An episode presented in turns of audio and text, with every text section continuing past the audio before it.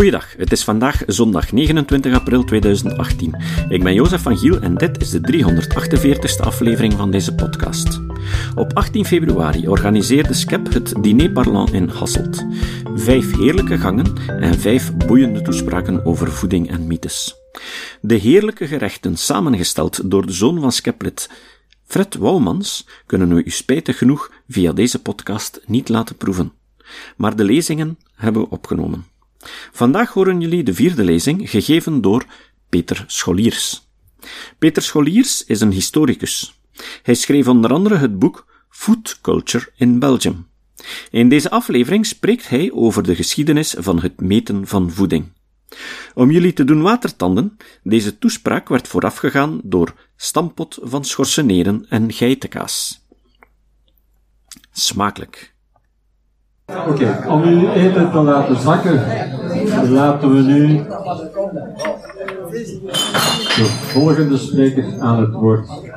En dat is Peter Scholiers. Peter studeerde geschiedenis aan de Vrije Universiteit van Brussel en behaalde daar in 1984 ook zijn doctoraat. Uh, dat ging over onderzoek naar lonenkoopkracht, indexkoppeling en de levensstandaard in België tijdens het interbellum. Je voelt het al aankomen, en is in die richting blijven doorgaan. Hij verricht onderzoek naar de geschiedenis van de sociale ongelijkheid, de levensstandaard, voedingsgeschiedenis, geschiedenis van lonen en prijzen, en de standaard. Editor, net zoals alle andere sprekers, heeft hij dus palmares van publicaties. En uh, tot 2015 was hij directeur van de onderzoeksgroep Post. En momenteel, als ik het goed heb, het expertisecentrum technisch en wetenschappelijk en industrieel erfgoed. Daar ben je voorzitter van. Er is ongetwijfeld nog veel meer over te zeggen, maar ik laat de spreker zelf aan het woord.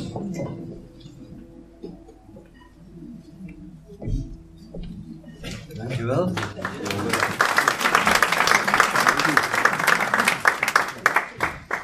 Geachte dames en heren, bedankt voor hier aanwezig te zijn. U zal van mij een totaal ander verhaal horen dan uh, de vorige verhalen. Uh, ik ben een historicus. Um, uh, ik ben geïnteresseerd in, sinds 19, ergens in de 80 in geschiedenis van de voeding. aanvankelijk werd dat op mijn universiteit, maar niet alleen in de VUB, eigenlijk in heel Europa, bekeken als een, een, een. En ik kreeg de, de, geuzennaam de patattenhistoricus. En mijn antwoord daarop is, zonder de aardappel zaten wij niet hier. Letterlijk hier, of ook in de les, of, of zoals uh, we vandaag uh, leven, die aardappel is gewoon fundamenteel geweest. Ik ga het vandaag hebben over een, een, een, uh, iets dat mij de laatste maanden bijzonder bezighoudt. Dat is de geschiedenis van de calorie. Eigenlijk moet ik zeggen de geschiedenis van de kilocalorie. Maar ik gebruik het woordje calorie systematisch verkeerd eigenlijk. Net zoals dat het geval was op het einde van de 19e eeuw, toen dat concept, dat toen totaal nieuw was, ik ga daar straks meer over zeggen, geleidelijk aan doorcijpelde in de, de uh, ja, bredere kringen van de, de bevolking in Europa. En mijn interesse heeft te maken met een heel brede interesse, namelijk de wijze hoe wetenschap doorcijpelt, vertaald wordt uh, in bredere lagen van de bevolking. Welk bericht wordt er doorgegeven? Door wie? Dat is van belang. En vooral, hoe wordt dat bericht doorgegeven door leken, uh, mensen zoals ik, uh, die uiteindelijk geen wetenschappers, exacte wetenschappers zijn. ik ben geïnteresseerd in de geschiedenis van de dieetleer. En ik denk dat een calorie een uitstekend voorbeeld is om te toetsen hoe die uh, dat nieuwe concept in de loop van de 19e eeuw en de 20e eeuw zich verder heeft ontwikkeld. En uiteindelijk, mijn, mijn dieperliggende interesse, het antwoord op de vraag, ja alors, waarom doe je dat onderzoek, so what, heeft te maken met de, de wijze waarop een wetenschap vertaald wordt, ontvangen wordt door een brede maatschappij. En ik heb die vraag gesteld, initieel, omdat ik wil weten hoe het komt dat in een wereld 2018. Niet alleen België, maar heel de wereld. In een wereld waar obesitas, overgewicht, al maar meer een probleem vormt. Als ik de zaal inkijk, is dat niet het geval hier. Uh, maar het is, een, het is een probleem wereldwijd, dus dat is ook iets nieuws.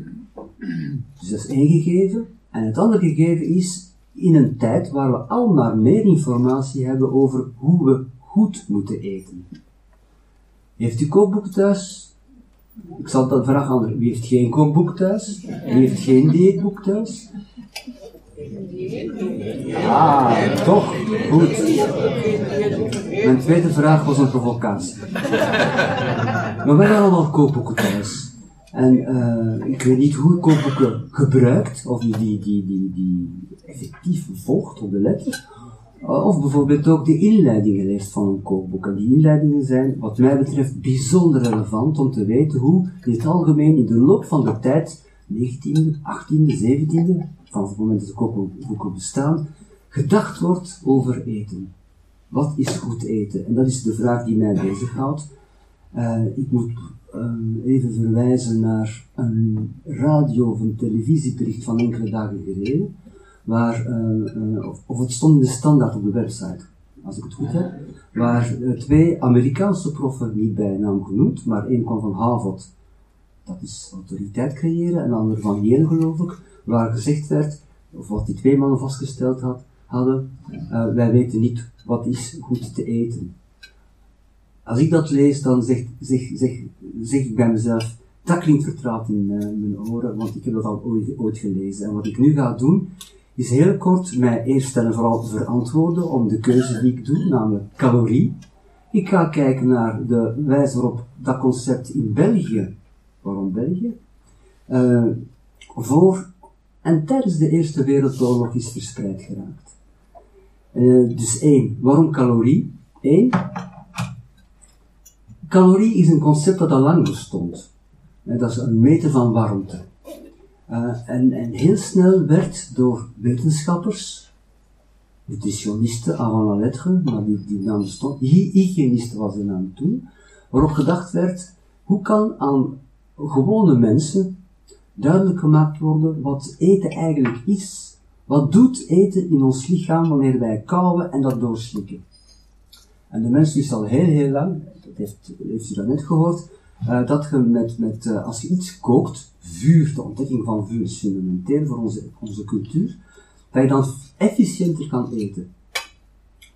Vuur, ik heb het woord gebruikt, hè, daar wordt heel snel, rond de jaren, de jaren 1870, geen 5 miljoen jaar, dus het is wel een andere tijdsdimensie dan daarnet, hè. Iets korter bij uh, waar uiteindelijk vrij snel de, uh, de, metafoor gebruikt werd tussen het menselijk lichaam en een kachel. Heeft u dat ooit, u heeft dat ook ongetwijfeld ooit gehoord, hè? Uh, ik kan niet heel de vergelijking maken, we zijn nog bezig met de maaltijd, maar u weet, een kachel produceert assen, het menselijk, het menselijk lichaam produceert ook een, een, een afval. Klopt die metafoor? Kunnen we ons daar duidelijk mee, mee inbeelden dat wat eten eigenlijk betekent? Dat wordt omgezet in energie. dat is ook een nieuwe term, dat is voor ons evident. We hebben, daar net die term gebruikt. Hè? Dat is voor ons evident, maar waar komt dat vandaan? Dus ik stel vraag bij zogezegd evidente zaken. Dus calorie is een, een, volgens mij een uitstekende mm, maatstaf om te onderzoeken in welke mate uh, de wetenschap, de dieetleer, door kan sijpelen uh, in bredere uh, lagen van de bevolking. Later, een prachtig voorbeeld, en misschien nog iets gemakkelijker, is het woordje vitamine. Ons heel vertrouwd, dat is ook ergens uitgevonden in de loop van de jaren 1910. Als ik zeg uitgevonden, doe ik het er zo bij, dus, dus een, aanhalingstekens. Uiteraard bestond die vitamine al lang, maar de naam. En je hebt er daar ook net aan verwezen, verwezen geloof ik. Als de naam bestaat, bestaat Als de naam niet meer, de taal in deze is van belang. Dus die vitamine wordt dan ontdekt. Waarom België? Een klein land, maar in, zeker in de 19e eeuw en vandaag ook nog een land met een heel open economie. Een vrijhandelsland, uh, met beperkingen weliswaar, maar ook een zeer open wetenschappelijk land. Dat betekent dat België, uh, zeker Brussel, heel sterk beïnvloed was door, door Parijs, door Frankrijk, maar ook door Duitsland, en ook door Engeland, en ook door de VS. En samen met Nederland kunnen wij die pluimen op onze hoed plaatsen dat wij een zeer open mentaliteit hebben op wetenschappelijk vlak voor wat er in de wereld gebeurt. In Frankrijk, dan moet ik u amper zeggen, was dat niet het geval. Er waren contacten met de Duitsers, maar amper. Dus België is op dat vlak ook een heel goed, goed uh, uh, testmiddel, of testgebied. ik gebruik kranten om mijn onderzoek uh, te, te, te voeren. Gelukkiglijk heeft de Koninklijke Bibliotheek van België een, een, intussen een tachtigtal kranten digitaal ontsloten. Ik zie dat u dat niet schokt of verheugt. Ik kom van een, ik kom van een generatie, toen ik mijn doctoraat, waar u daar net over hoorde, toen dat nog niet het geval was. En dat moest je dus kranten gaan, gaan pagina per pagina. Ik zie dat u dat bekend in de oren klinkt. Nu, als ik aan mijn studenten zeg, je hoeft niet eens meer naar de KBR te gaan. Je hebt dat uh, tot 1914, hè, helaas niet tot vandaag, maar je hebt dat aan je toetsenbord. Uh, dus je, vergemakkelijkt het onderzoek. Dus dit is dat wat ik gedaan heb. Bovendien, u weet dat de, de Eerste Wereldoorlog 100 jaar geleden uh, is gevoerd en bijna dit jaar zal eindigen. Dat heeft een enorme belangstelling teweeggebracht in heel dit land en in heel de wereld eigenlijk. En er zijn enorm veel inspanningen gedaan om heel veel andere digitale kranten uh, andere kranten te digitaliseren. Gelukkig. Wat ik dan gedaan heb, is gaan kijken in welke mate het woordje calorie, in relatie tot voeding natuurlijk, verschijnt in mijn collectie kranten. Uh, dus een tachtigtal kranten, waaronder de belangrijkste voor 1914.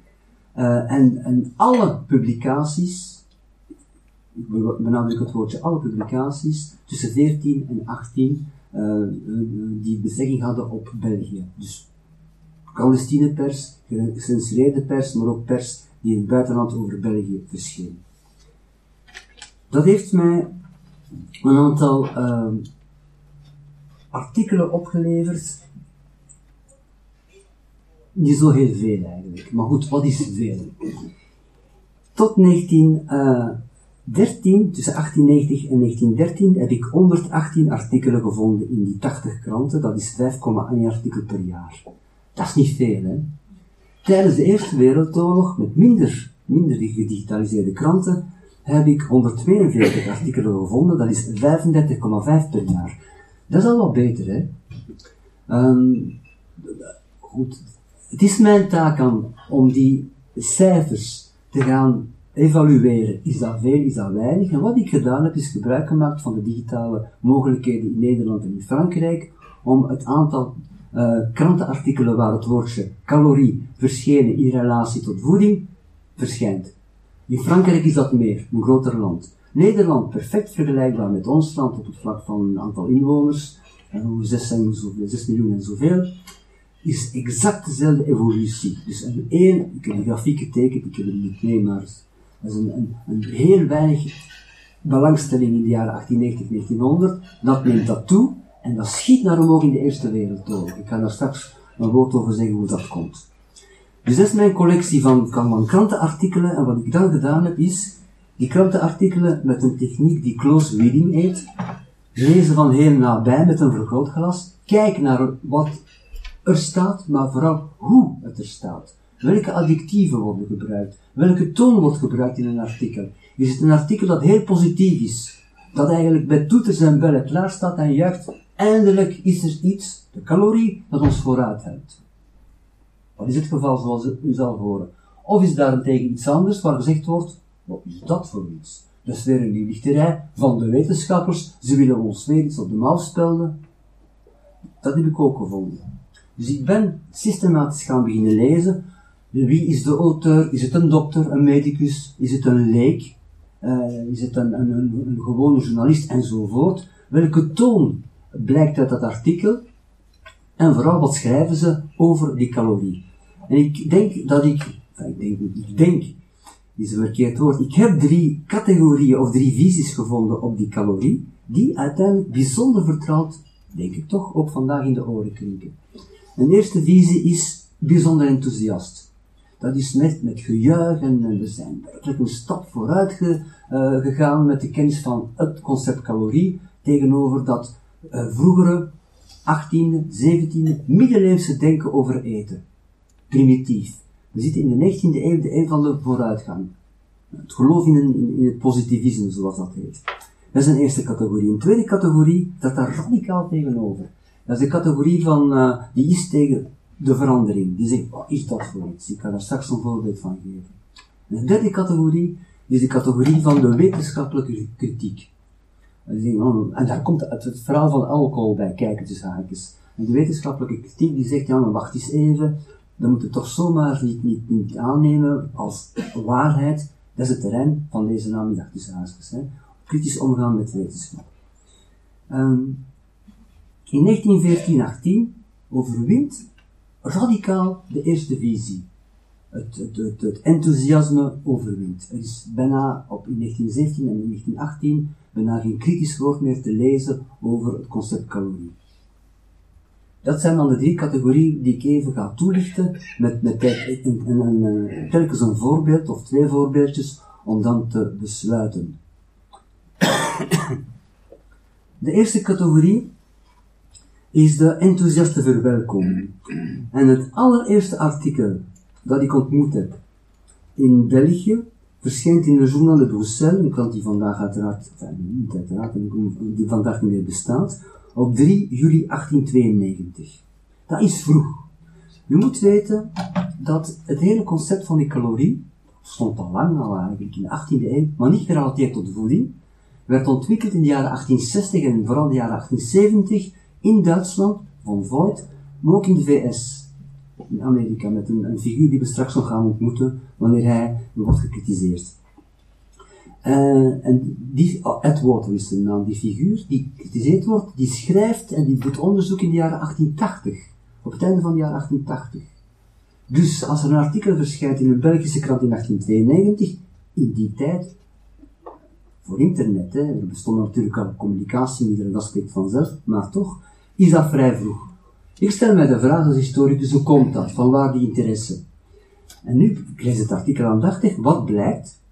Er is een journalist van die krant, die naar Parijs gegaan is, die een lezing bijwoont van, uh, een, op de academie de, de uh, Nationale de Médecine, van een zekere Germain C. Als je heel veel tijd hebt, zoek die naam een keer op. Dat is een, een man die toen een zekere aanzien had. Uh, die in Parijse hospitalen werkte en die begaan was vooral met uh, de voeding van ziekenhuizen, van zieke mensen. En uh, geeft een lezing waar hij bijzonder enthousiast is over het nieuwe, ehm, ja, de nieuwe vondst, namelijk de calorie. Waarom is dat zo enthousiast?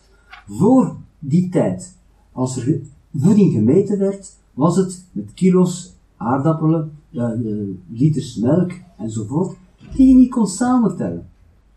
Wat heeft de calorieënwetenschap ontdekt? Dat al die producten, ik heb hier niet twee genoemd, maar alles wat wij eten en drinken uh, bevat uh, koolhydraten, eiwitten en, en, en uh, vetten, die kunnen omgezet worden in calorieën. En het grote voordeel is dat je dan energie van brood, van melk, van alcohol kunt optellen en dan heb je één bepaalde hoeveelheid. En dat is het grote, dat is evident, dat klinkt ons evident. We zijn allemaal, denk ik, toch vertrouwd met het concept calorieën. Kijkt u daarnaar als u iets koopt? Wat de inhoud is? Ja, hij geeft toe, sommigen doen dat. Uh, dus wij kijken, wij, kennen dat vertrouwd. Maar dat is, dus uiteindelijk is dat dik 110 jaar oud, hè. Uh, dus die uh, Germain C. die is wild enthousiast en dat enthousiasme wordt vertaald in het artikel van de Journal de Bruxelles van een niet getekend stuk nota bene. Um, we leren ook in dat stuk dat bijna alle voedingswaren intussen op de calorische waarde wordt gemeten. Dat gaat over peulvruchten, dat gaat over uh, verschillende soorten brood, over groente, over verschillende soorten vlees en zelfs over kazen. We hebben het al gehad over kazen. Wel, we hebben daarnet geitenkaas gehad. Dat bevat relatief weinig calorieën, maar de roquefort van daarnet, dus zullen er een pak meer bevat hebben. En dat wordt allemaal met heel veel interesse berekend en verschijnt in de Belgische kranten. Tegelijkertijd verschijnt ook uh, de, de metingen wat een mens, een individu, nood heeft per dag en per hoofd aan calorieën. En dat is tussen 2800 en 3200 kilocalorieën per dag. Toen calorieën. Maar heel snel verschijnt dan de interesse, ja maar wacht even, een, een, een, jonge moeder heeft meer calorieën nodig. Een sportman, ik heb het over de jaren 1890, hè, een sportman heeft waarschijnlijk ook meer calorieën nodig. En een arbeider die heel zwaar werk heeft, mijn werker, die zit aan 6000, 7000 kilo, kilocalorieën per dag. Dus dat lezen we allemaal in die kranten. Wat is daar verkeerd dan? Hè? Wat is daar qua inzicht, is dat een achteruitgang? Nee, dat is toch een, fantastische vooruitgang. Um, dat is eigenlijk, met de recul van de historicus, en dus nu ook van jullie, de verwetenschappelijking van de keuken. En eigenlijk heeft dat te maken met een strijd die vandaag nog gevoerd wordt, maar die strijd, zijn we ons daar bewust van, tussen de wetenschapper, de nutritionist die zegt zo moet het, en het, ik zal het even voor de veiligheid noemen, het gezonde verstand van de eter. En dat is mijn tweede punt. De kritiek op die calorie. Ik heb de tijd niet in het oog, maar ik verwacht toch dat er eten zal komen en dan zal ik moeten ophouden. Ja? De tweede uh, is de radicale verwerping. Interessant, in Journal de Bruxelles, ook in andere kranten, verschijnt een artikel van een zekere dokter Ox, OX. Er bestond een dokter Ox, effectief, maar bon, de kans dat dat een pseudoniem is of een penneem is bijzonder groot. Dat werd heel vaak gedaan in de 19e eeuw. Is die man een dokter of niet? Ik weet het niet. Eigenlijk doet dat er minder toe. Maar ik ga een aantal dingen citeren uit zijn artikel. Die is dus radicaal tegen dat nieuw concept. La chimie a réduit la cuisine à une formule atomique. Het woord atomiek, voor de Eerste Wereldoorlog, dat klinkt al eigenlijk raar. En dan, tweede serieuze kritiek. La science a pris la chose en main. La chose is de keuken. Daar zit je dus echt de constructie van de oppositie tussen die, die wetenschappers, die ons hier, ons, de schrijver van een artikel, iets willen opdringen. Uh, en die willen ons leren eten. Een ander citaat, la chimie estime que nous mangeons trop, que nous mangeons trop, te veel, je hè, Et la physiologie estime que nous mangeons mal. We eten verkeerd, we eten slecht. En dat komt straks nog terug in de andere kritiek. Welke tegenargumenten worden naar voren geschoven? Um, geen. In die zin dat het enkel een kwestie is van, als het de smaak eet, wij hebben, en dat is Bria Savarin, je heb je daar net vernoemd, hè, uh, als, als, Bria Savarin zei, uh, zeg me wat je eet, ik weet wat je bent. Dat heeft dat te maken met een oeroud beeld van hoe mensen eten. Het beste wat je eet is uit je eigen streek. Daar ben je vertrouwd mee. Als je gerst of rogge of wat dan ook eet, dan kom je uit die streek.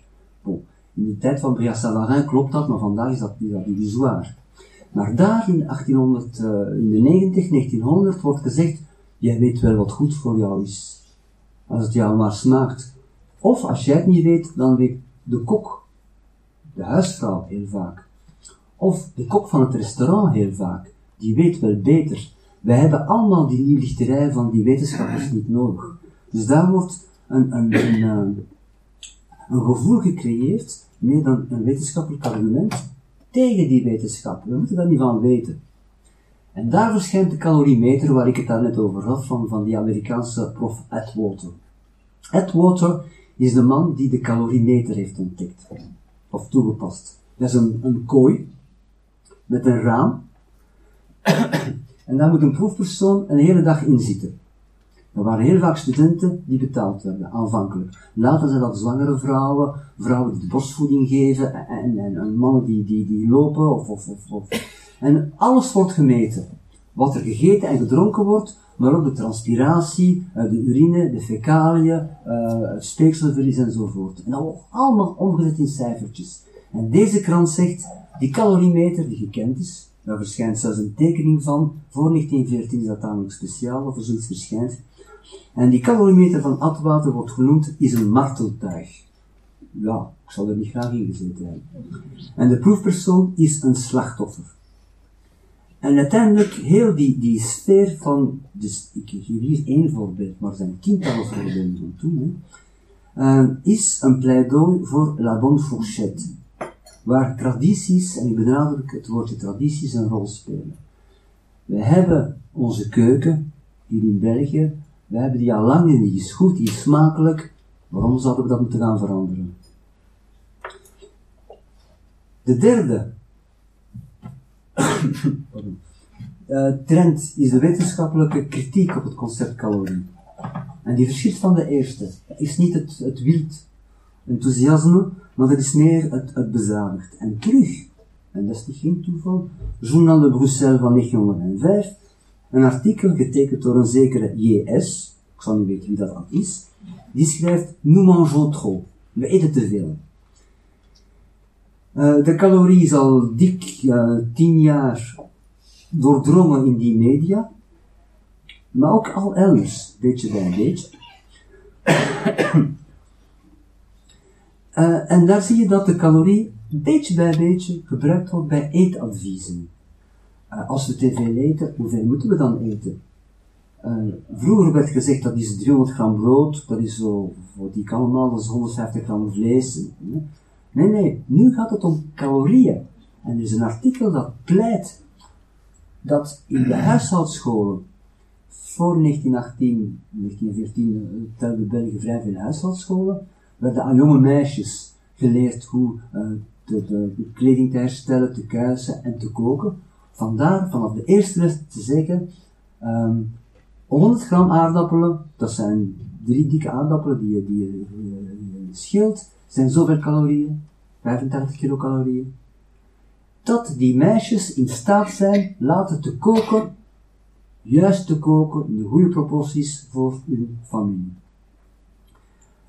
En dan is dat een soort kritiek die toch, toch uh, begint luider en luider te klinken. Dat meten van dat calorieverbruik is absoluut niet evident. En het voorbeeld van de alcohol was een, een, een, uh, een, een, een, debat in de 19e eeuw. Alcohol is slecht, punt. Er is een heel stevige anti-alcohol-lobby aan de gang uh, in België, maar ook bijvoorbeeld in Noorwegen, in Schotland, in, in de VS, in Nederland, want alcohol is slecht. Dat is de fameuze theorie van het domino-effect. Als je één keer begint met de druppel, de druppel Genever, dat is een goede stad om hierover te praten, dan ben je verloren. De eerste druppel is, het verderf.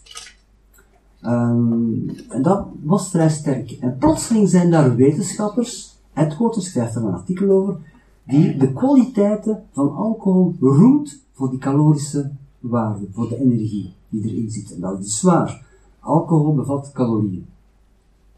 En die Edgewater die zegt, ongeacht, je moet je calorieaantallen hebben, ongeacht waar die vandaan komen. En daar is een kritiek van de wetenschappers tegen die zeggen, ja maar wacht eens even, hè. alcohol heeft ook andere effecten, je moet ongeveer een volwassen man 3000 kilocalorieën per dag hebben, alleen alcohol? Nee. Allicht niet, hè. Um, en daar zit je de allereerste voorzichtige adviezen, eetadviezen, die zo niet genoemd werden, hè, maar die ertoe leiden van te zeggen, je moet spreiden. Een glas bier, wijn in onze cultuur toen was was sterilitair, maar zeker bier, mag je gerust hebben. Bovendien is goed voor de vertering. Brood, aardappelen, vlees, maar mag je allemaal hebben, maar overdrijf niet. En dat is een adagio dat je maar, dan al maar meer uh, terugvindt, maar meteen is dat ook een kritiek uh, op die calorieën. En uiteindelijk wordt gezegd, op basis van die kilocalorieën eten wij echt te veel, en dat is een kritiek die rechtstreeks gericht is uh, tegen een artikel dat verschenen was in een andere krant, waar gezegd werd, er is een belangrijke professor uit Parijs, die vastgesteld heeft dat op basis van een meting van tien jonge meisjes die in een naaiatelier in Parijs werkten, dat die veel te veel aten, onder meer zoetigheden. Patisserie. Ik wijs naar daar, want ik zie daar net patisserie aankomen, dat steek dat ik me kan ophalen. Wat komt in orde? Ik ga bijna concluderen. Dat is patisserie. En er wordt gezegd, oh, er is heel veel, heel veel, uh, is het geen patisserie? Oké, ah ja, natuurlijk, ja, ja, dat is snel. Uh, en, en daar wordt gezegd, ja, maar wacht eens even, die jonge meisjes die eten veel te veel, uh, veel te veel suikerwaren, en suiker is goed. Tot ongeveer de jaren 1930 is, is, suiker uh, zeer acceptabel, dan verandert dat. Maar toen is suiker nog goed. En dan wordt gezegd, ja maar die jonge meisjes eten veel te veel. En dat is algemeen zo. Laten we minder eten, eten we uh, veel gezonder als we minder gaan eten. En dat moet gezegd worden in een tijd waar onder de arbeidersklasse nog vrij veel honger in België is overdreven, maar toch op de markt leefde dus net genoeg en te veel. Ik ga concluderen met, met uh, iets alles uh, ruimer te plaatsen. Uh, 1914-18. In 1914 is die calorie algemeen aanvaard. Die calorie leest je niet alleen in de kranten die ik gelezen heb, maar die komt je ook tegen in, uh, bijvoorbeeld in krantenrubrieken uh, van uh, kookrubrieken van tante Clara, van tante Marie enzovoort, die ook in, in, in de kranten verschenen. En plus ook een advertentie die ik zeer leuk vond voor dierenvoeding in calorieën uitgedrukt. dus dat. Um, wetenschap dat is mijn laatste woorden, dan gaan we eten. Wetenschap bindt enorm aan belang in die periode, uh, niet alleen wat de calorie betreft, maar wetenschap in de keuken breekt door. Ondanks een aantal reacties van, noem het dat van Fourchette. Die calorie wordt goed ingebundeld uh, in, in, in ook in huishoudonderwijs bijvoorbeeld.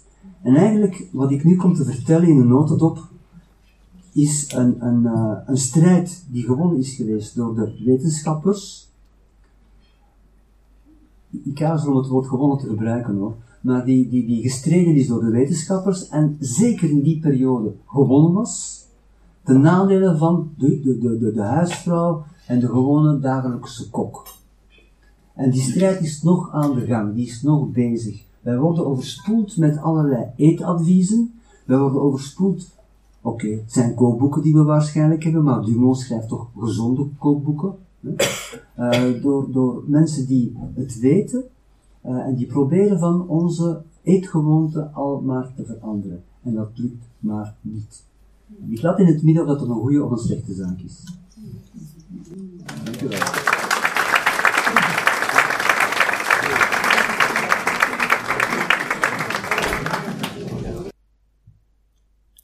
Het citaat. Het citaat van vandaag komt van Simon Singh. Singh is een Britse wetenschapsjournalist en bekend scepticus. Hij schreef onder andere het boek Bekocht of Behandeld samen met Edzard Ernst, en ook het codeboek en de oerknal. Het citaat van vandaag komt uit dat laatste boek. Singh zei: Het enige dat nodig was om de grootte van de planeet te meten, was een man met een stok en een brein. Met andere woorden, verbind intellect met wat experimenteel materiaal en bijna alles lijkt haalbaar. Tot de volgende keer. Deze podcast is het resultaat van het werk van veel mensen.